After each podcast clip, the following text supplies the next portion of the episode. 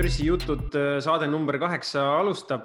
Mm, mina Märten ja vaatan asju investori vaatevinklist. hei ho, mina olen Markus ja toimetan Ameerika väärtpaberi tsirkuses. no nii, kui sa juba sellise intro tegid, siis räägi meile. rahvas tahab tsirkust ja leiba, mis tsirkus siis käinud on kaupleja pilgu läbi? siin on siis ees nüüd GameStopi päevagraafik ei hakka üldse nädalagraafikut võtma, see on niisugune jünks üles, jünks alla.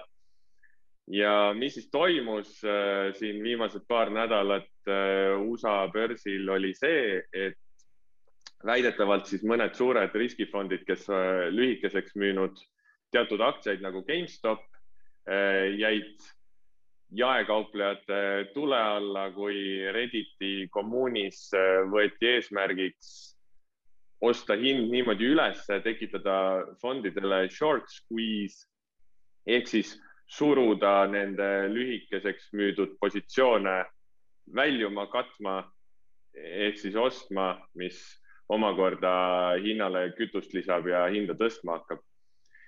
ja graafikul on näha, kuidas äh, hind plahvatas äh, sotsiaalmeedia kihas, kõik soovitasid kolme soti pealt läheb tonnini ja sealt edasi. kõik sõidame kuule välja. Eh, hetkel on ta tulnud alla siia üheksakümne kahe dollari peale, see on siis eilse sulgemise seisuga graafik. no sina kui kaupleja, aktiivne turuosaline, tegid siis ikka mõlemad sõidud kaasa nii ülesse kui alla ja kasumlikult või? Vot see ongi see, et ma ei ole nii aktiivne, et ma oleks tahtnud sõita seda lihtsalt sellepärast, et seal midagi toimub. nüüd noh, päris palju küsiti ka, et äh, oled sa GME-s sees või kaupled sa seda. ma ütlen, et see on päevakauplejale, ma arvan, väga hea ots teha üles-alla igatepidi. mina, kui mul tekib mõte, et äh, oh, GME tõuseb, äkki läheb tonnini siis ma kohe mõtlen, mis strateegiale see vastab, see setup mm. -hmm. mul on neli strateegiat, mida ma kauplen, ükski neist ei ole selline strateegia, et kauple aktsiat, mida, millest sotsiaalmeedias palju räägitakse või kauple aktsiat, mida sõber soovitas. mul ei ole sellist strateegiat, mul ei ole sellist setup'i. ehk siis, kui ta ei vasta mu neljale strateegiale, siis mul ei ole muud teha, kui ignoreerida ja mul, mul ei olnud siin mitte midagi teha, et Äh, ei ole minu leib. mul oli Aga küll sina..., ma, ma tunnistan ausalt, et, ähm, et ma nagu vaatasin seda asja ja mõtlesin, et okei okay,, noh, täiesti on ju tsirkus, et äh, ei puutu, las nad äh, toimetavad, jälgin kui meelelahutust.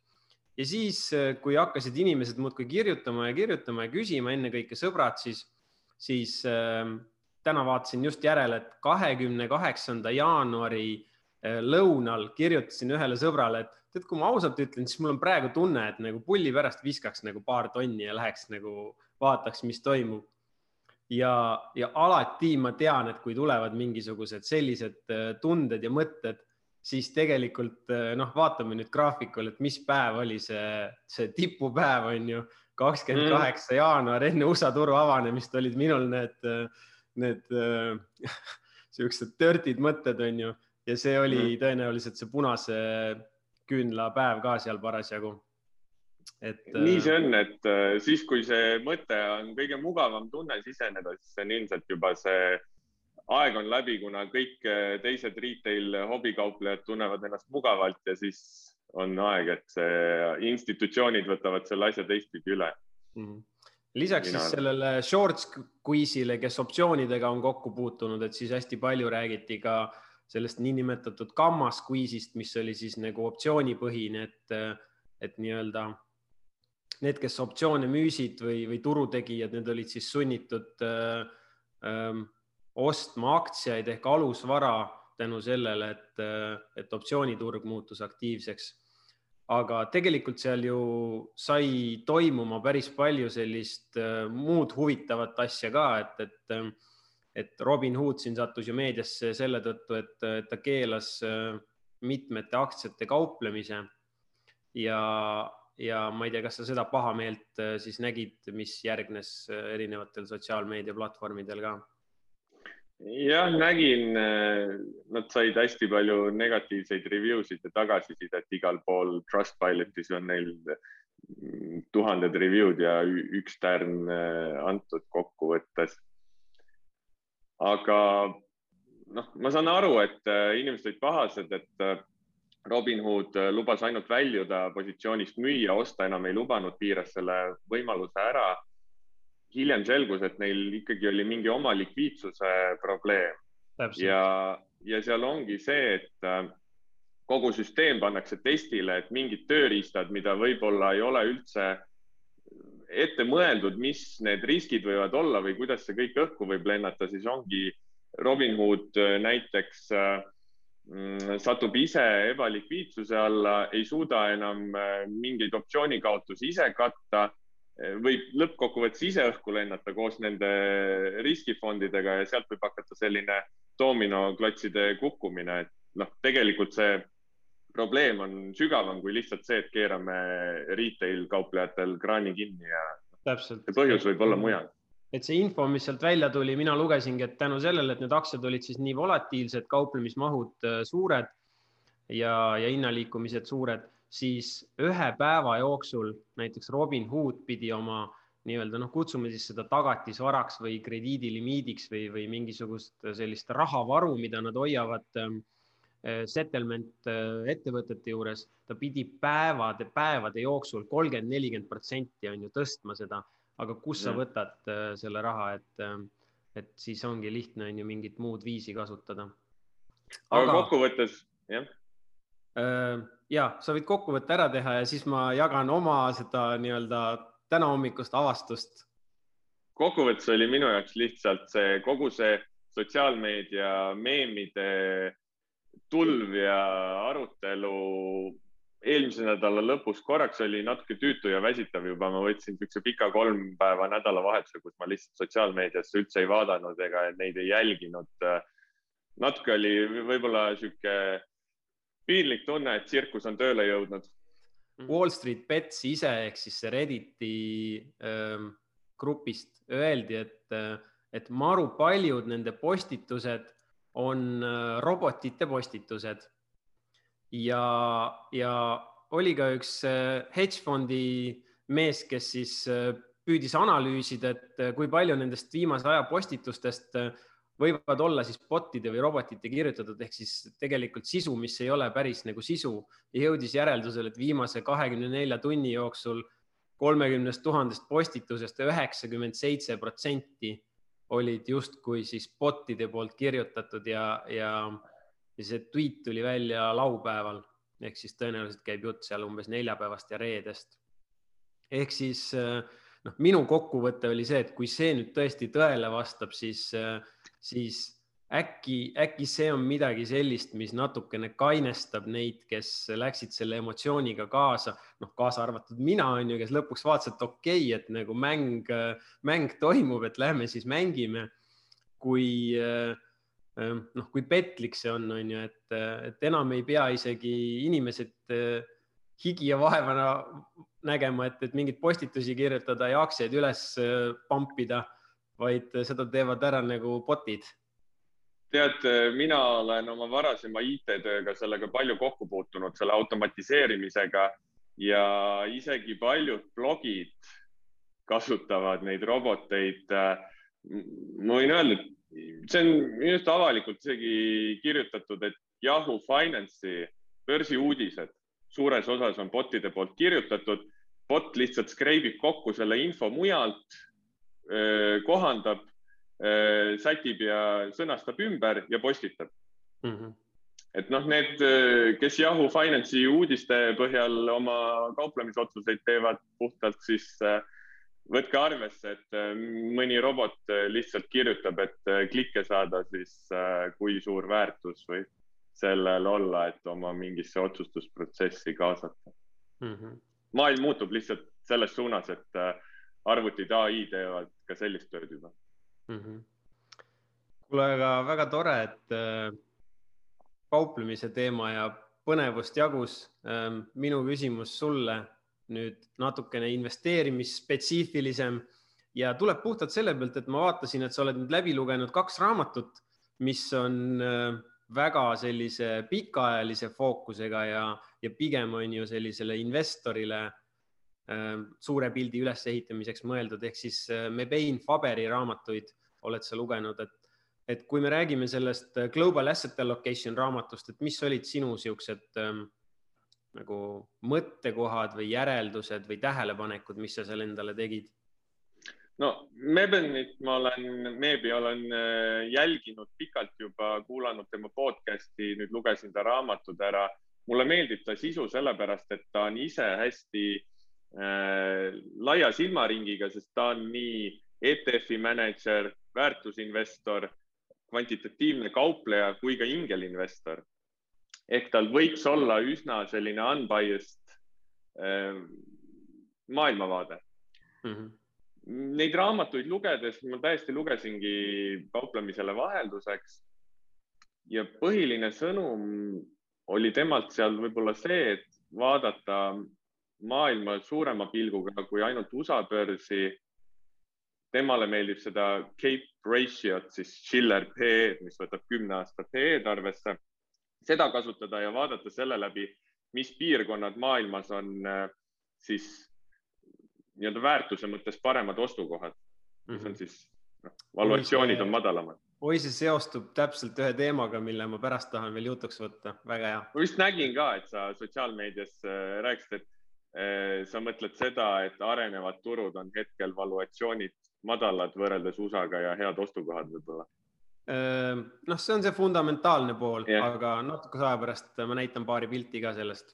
aga, aga ühesõnaga, aga teine, teine sõnum tegelikult sealt raamatust oli ka see, et ta võrdles erinevaid tuntud inve, suurinvestorite strateegiaid ja neid allokatsioone siis aktsiates, võlakirjades, toormetes, väärismetallides ja nii edasi ja jõudis kokkuvõtteni et väga pika aja peale, nii kahekümne aasta perspektiivis, tootlus tegelikult väga palju ei erinenud, aga olulisem oli see, palju teenustasusid siis osta-hoia investor maksab, et see teenustasude suurus äh, muutis väga palju seda lõpptulemust.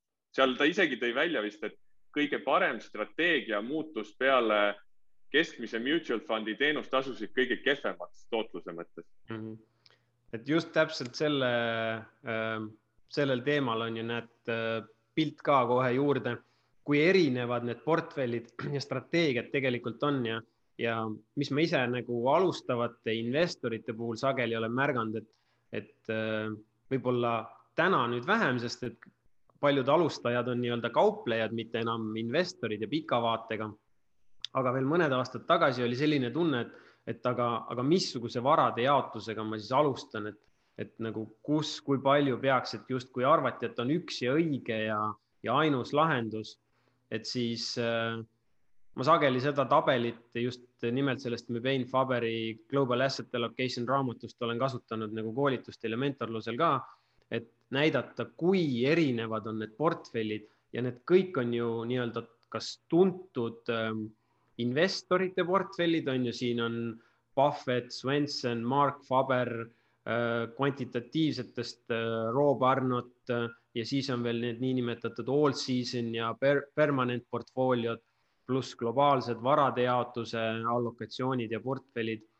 Ja, ja täiesti totaalselt erinevad on ju, mis aktsiaid sisaldavad, kui palju, kas ja üldse, kui palju võlakirju, toorainet, kuld ja ja siis teine graafik, mida mulle alati meeldib näidata, on seesama, millest sa just rääkisid, ehk siis allokatsioonid on väga-väga erinevad, aga pikaajaline keskmine aastane tootlus, see on nüüd inflatsiooni ületav tootlus mm. -hmm. No, tegelikult siin ei ole väga suuri erinevusi, ehk siis need sinised tulbad näitavad pikaajalist eh, keskmist aastast tootlust, mis ületab inflatsiooni.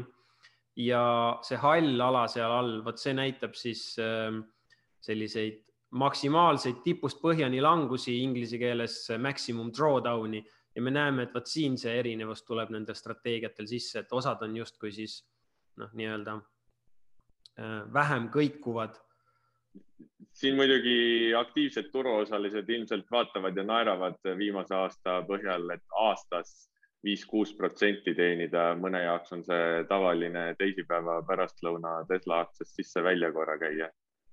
kusjuures see tegelikult avab nüüd ju selle teema, et, et mul on tunne, et ootused on inimestel ikkagi suhteliselt paigast ära läinud, mis puudutab. kõrgeks läinud jah. et noh, mina sageli kuulen ja näen nagu seda, et, et oma raha tahetakse ikkagi kahe, kolme ja viiekordistada ja ja mitte enam isegi paari aasta perspektiivis, vaid nagu pigem selle aasta perspektiivis. vot minu jaoks ongi siin see case, et äh, kui keegi teeb aasta-paari jooksul sada, kakssada protsenti tootlust, mind jätab täiesti külmaks. Äh, kui keegi teeb kahekümne aasta peale üle kahekümne protsendi aasta tootlust, vot see on kõva sõna mm. -hmm. et see ühe-kahe aasta kõrge tootlus on lihtsalt juhuslik võib-olla õnnest, võib-olla oskustest, võib-olla õnnest, aga seda ei tea. et ikkagi niisugune kümne, kahekümne aasta keskmine tootlus on see, mis näitab ära, kuidas tegelikult asi läks. aga küsimus siit sulle. Minul on plaanis sel aastal oma muu vara arvelt skaleerida oma börsikauplemise äri ja lisada juurde kapitali olen mõelnud sellega seoses, kas peaks oma kauplemise strateegiaid hajutama mõne pikemaajalisema osta-hoia või näiteks dividendistrateegiaga, aga ei ole suutnud endale seni veel ära põhjendada, miks.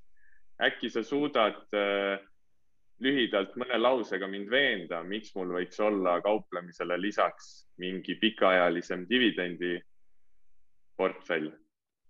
no võib-olla isegi see dividendiportfell pole nagu kõige olulisem, et äh, kui sa niimoodi küsid, siis ma praegu mõtlen, mõtlen seda, et, et äh, üks lähenemine, mida võtta, on, on vaadata midagi täiesti nii-öelda mitte korreleeruvat, on ju, noh seda on raske leida, korrelatsiooni koefitsiendid ajas muutuvad, me kõik teame, sõltub mõõtmisperioodi pikkusest mm., aga kontseptuaalselt, et, et noh, võib-olla vaadata millegi poole, mis liigub nagu keskpikas perspektiivis siis oma tempos ja ei, ei ole otseselt seotud nagu nende fundamentaalidega või, või meelsusega, mis aktsiaturgu liigutab.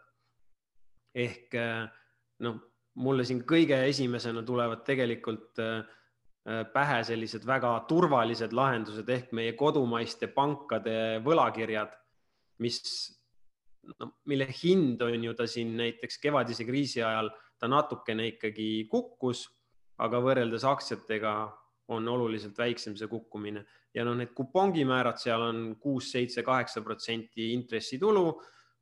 ja nagu võlakiri ikka on ju fikseeritud tulumääraga instrument, paned äh, tuhat sisse ja kolme või viie aasta pärast saad sellesama tuhat tagasi ja, ja siis vahepeal teenid seda kuue või seitsme protsendilist kupongi näiteks jah, mulle meenub mu ainult üks äh, kodumaine võlakirjatehing, kus ma märkisin LHV neid samu kuue protsendi võlakirju, aga kohe, kui nad kauplema hakkasid, siis ma müüsin nad kuue-seitsme protsendise, isegi kümne protsendise äkki kasumiga äh, börsil maha, võtsin sealt selle ühe aasta, ühe aasta siis intressitulu kohe välja kasumina ja nii see võlakiri asi jäi aga mulle meenus siin äh, praegu, et sa hiljuti kirjutasid e-raamatu riitidest ehk kinnisvarafondidest.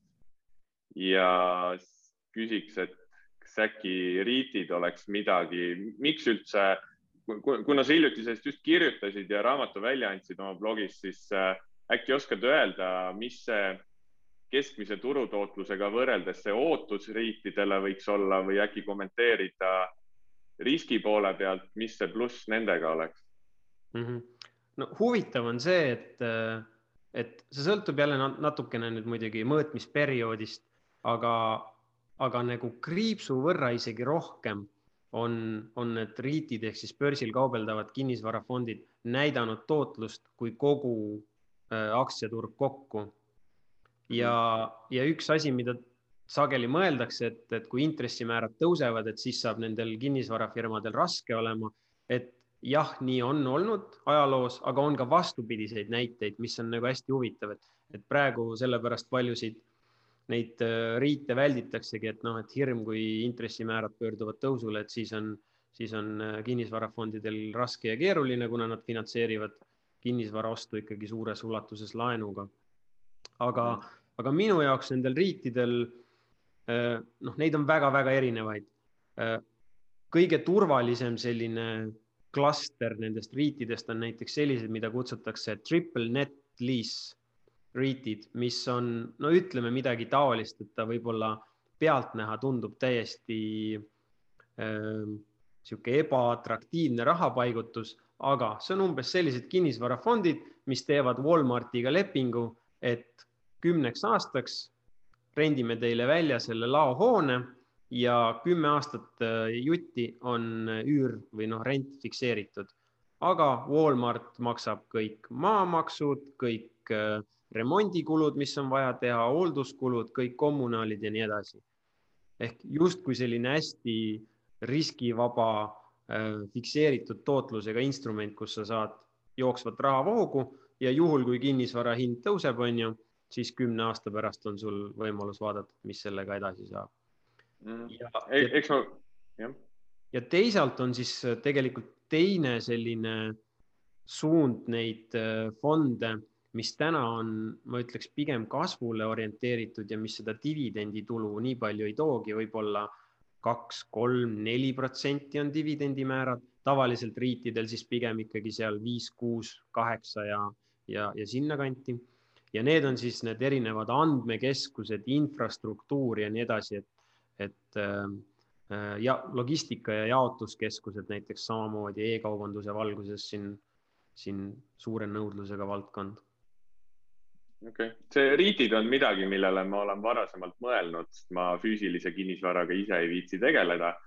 Aga pean seda mõtlema seedima, kui kellelgi vaatajatest tekkis äh, mõni hea idee või soovitus mulle, kuidas hajutada oma kauplemisäri lisakapitaliga, siis võib all äh, video kommentaariumis kirjutada, teada anda, kui mingeid mõtteid tekkis. ma ikkagi nagu ühe konkreetse soovituse ütleks ka sulle no.. et kui mina oleks sina, siis ma iga kvartali teenitud kasumist mingi fikseeritud protsendi paneks äh, laiapõhjalisse globaalsesse ETF-i. ma tahan näha, millal sa ükskord nagu murdud või siis ütleme teistpidi, et millal sul see mõistus pähe tuleb ja sa hakkad üles ehitama niisugust rahulikku pikaajalise sõidu portfelli. kahekümne aasta pärast. okei okay,, selge pilt praegu mul, ma kauplen SB, mul on aeg-ajalt SB viiesaja indeksit, hetkel hoian ka, aga ma kauplen teda lühiajalise momentum strateegiaga viimane nädal äh, oma newsletteris kirjutasin ka, et hetkeolukorra põhjal olid mu indikaatorid pigem bearish, aga olen valmis mõlemas suunas sõitma, kus sealt kolm tuhat seitsesada support levelilt hind liigub. ja tegelikult nii kui esmaspäeval see pöör, pöördus, siis peale seda esmaspäeva sulgemishinda ma võtsin taas riski minna pikaks mm. -hmm. et saame Aga... näha, kas see on nüüd sihuke fake out või, või make out. jah no väga tore, et sul on USA aktsiad on ju portfellis, aga nüüd me jõuame siis äh, äh, selle teema juurde, mis trummi ma siin ise paar päeva tagunud olen. noh, mul ei ole, on ju siin mingit nagu nahka selles suhtes mängus, et, et kui, kui inimesed. sa ei tee nii, et sa teed ise ostu ära ja siis äh, postitad meedias ja sotsiaalmeedias, et see on hea ostukoht ja siis vaatad, mis hind teeb. ja, ja kindlasti. nagu siin kohalikud ebalikviidsed investeeringud saavad kõik hoo sisse, nii et keegi ostab sisse ja siis soovitab ka teistele. täpselt, et äh, ma ei praktiseeri jah, sellist äh, nii-öelda promo. maailma aktsia ETF-iga vist ei saaks päris nii. vist mitte jah, kui parasjagu ei ole enda ETF, mis on Tallinna börsil noteeritud ja mida ise on ju kontrollid ja majandad. ja likviidsus on tuhat eurot päevas. täpselt. aga ühesõnaga minu tähelepanek juba ja see nüüd ei ole mitte midagi värsket, on ju, et see on olnud asi, mis on nii-öelda in the making siin tükk aega, et, äh, et erinevate riikide erinevate regioonide aktsiaindeksid on kas jõudnud oma kõigi aegade tippude lähedale või just värskelt sealt läbi murdmas. ja, ja tegelikult noh, me võime öelda täna, et USA aktsiaturg on pigem erand ja, ja muu maailm kauplebki kas allpool oma kümne, viieteistkümne või kohati mingi peaaegu kahekümne aasta tipptasemeid et äh, arenevad riigid lõpuks ometi, arenevate riikide ETF on, on läbi murdnud oma eelmise finantskriisi eelsesse aega jääva, jäävast tipust ehk see oli siis ligikaudu kolmteist aastat tagasi. noh, sina võib-olla kauplejana näed siin esimest, esimese asjana seda, et okei okay,, et breakout, et kui see õnnestub, on ju, siis potentsiaalne jätkuv tugevus, mida võiks osta. Aga mis mulle endale kõige rohkem silma jäi, on, on see, et ma siht, tihti ja sageli vaatan ähm, selliseid suhtelisi hinnamuutuseid, täpselt samamoodi nagu väärtus versus kasv või Euroopa versus USA aktsiad, siis, äh, siis seekord ma panin graafiku peale arenevate riikide aktsiad versus USA aktsiad. Ja, ja, ja, ja mis siit siis ilmnes, ilmnes see, et ähm, see konkreetne ETF EM on tema tikker, algas kusagil kahe tuhande kolmandast aastast, et ma kasutasin seda siis võrreldes SB viiesaja indeksfondiga. et alates kahe tuhande kolmandast aastast arenevate riikide aktsiaturud tegid oluliselt paremini kui USA aktsiaturud ja siis pärast äh, finantskriisi justkui kõik pöördus, tooraine buum sai läbi, kahe tuhande kümnendast, üheteistkümnest, üheteistkümnendast aastast on meil olnud siis USA aktsiate võidukäik ja, ja nüüd lihtsalt on ju. Äh, ma tean, et see on meelevaldne suhtarv, võib-olla peale minu seda maailmas mitte keegi ei vaata, aga minu jaoks see lihtsalt tundub kokku pannes selle pildi ja selle, siis see tundub täiesti loogiline koht, kus nagu need arenevate riikide aktsiad võiksid hakata liikuma. ma jätan siin kõik selle fundamentaalse poole kõrvale, on ju, et potentsiaalsed kasvumäärad või siis see, et äh, näiteks Hiina moodustab arenevate riikide ETF-ist juba üle neljakümne protsendi ja Hiina kapitaliturud muudkui avanevad, avanevad ja nii edasi. et, äh, et pigem selline nii-öelda momentum ja tehniline vaade üldse mitte, mitte fundamentaalne mm. -hmm. ja ja minu mõte siis ongi see, et äh, julgustada nii sind kui ka teisi vaatama nagu USA turust veidi kaugemale. Ähm. siin ongi see, et äh, ma ise jälgin äh, paljusid, mitte paljusid, aga nii mitmeid ka fondihaldureid, kes võib-olla kvantitatiivselt lähenevad ja graafikuid vaatavad. ja nad räägivad ise ka viimasel ajal palju sellest, et arenevad turud võib-olla järgmise kümnendi teema ja ka toormeturud, mis commodity market, mis on pikalt olnud sellises natuke varjusurmas, on taas ärkamas. minu enda jaoks on see, et see on, nagu sa näitasid, su graafik läheb aastaid, kümme aastat tagasi, see on nii pikaajaline selline setup, et ma kauplen USA turgu, kuna see on kõige suurem, likviidsem, kõige rohkem infot selle kohta. ma ise tunnen ennast seal mugavalt ma pigem hajutan ennast erinevate strateegiatega, lühiajaline, pikaajaline, lühikeseks, pikaks, swing, trend, momentum. mul ei ole vahet, kas ma teen seda USA turul või areneval turul, ma arvan, mul USA turul on rohkem eelist lihtsalt, kuna mul on infot ja seda hinnadatat, ajaloolist datat rohkem mm. -hmm. see on minu point, et mul noh, see ei ole minu jaoks see, ma usun sellesse, et arenevad turud võivad olla hea võimalus, aga see on rohkem osta-hoia investorile kui ja, minu sorti kaupleja. ja tõsi, see on asi, mis mängib välja pigem aastatega kui, kui siin kuude või kvartalitega. aga tahaks lõppu veel äh, küsida, me ei saa seda saadet ära lõpetada enne, kui me ei räägi veel ühest viimase aja popist teemast, äh, mis on turumullid. sina sotsiaalmeedias postitasid kuidas äh, mitmed näitajad ja mitmete investeerimispankade graafikud äh, noh, näitavad või siin indikeerivad äh, võimalikku turumulli USA börsil. mina jagasin ühte uudiste pilti, siis kuidas meedia on juba kümme aastat seda mulli oodanud. seni ei ole see veel kohale jõudnud, keegi ei tea, millal see jõuab, võib-olla täna, aasta või kolme pärast. aga küsin sinult, on siis täna turumull või ei ole ja mida ma tegema peaks ähm,? tead, ma usun, et meil on täna minimullid või mikromullid või kuidas iganes me neid kutsuda tahame. ja, ja need ongi mingid, mingisugustes segmentides on ju needsamad äh, meemiaktsiad või, või mul praegu ei tulegi mitte midagi meelde, mis siin vahepeal veel võib, võis võib-olla nagu väga haip olla, et noh, võib-olla ka mingi, mingite tarkvarasektori või valdkonna kasvuaktsiad või, või teatud tüüpi kasvuaktsiad. et, et ma arvan, et need mullid ongi lokaalsed, kusagil on ju mingi, kas alamsektorites või tööstusharudes või mingis segmendis ähm, turul tervikuna kui me räägime globaalsetest aktsiatest, siis nagu ma ütlesin, et nagu väga paljud aktsiaturud alles saavutavad oma kõigi aegade tippe, mis jäävad viie, kümne, viieteistkümne või veel rohkem aasta taha. ja, ja USA on nagu erand, aga, aga nende sotsiaalmeedias jagatud graafikute peal ma ka näitasin, et tegelikult äh, kasumid on kasvanud päris hoogsalt ja, ja võrreldes siis selle tehnoloogiamulliga kakskümmend aastat tagasi Ehm, noh, ei ole nagu sellist, ehm, ma ei tea, nii palju ebamõistlikkust siis nendes numbrites minu jaoks.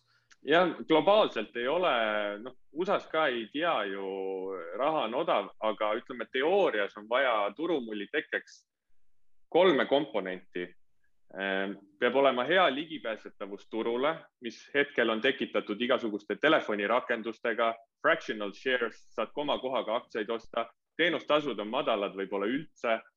teiseks on vaja odavat raha, mis on mm. tekitatud ajalooliselt madalate intressimääradega ja kolmandaks eh, on vaja aktiivset spekuleerimishuvi turul.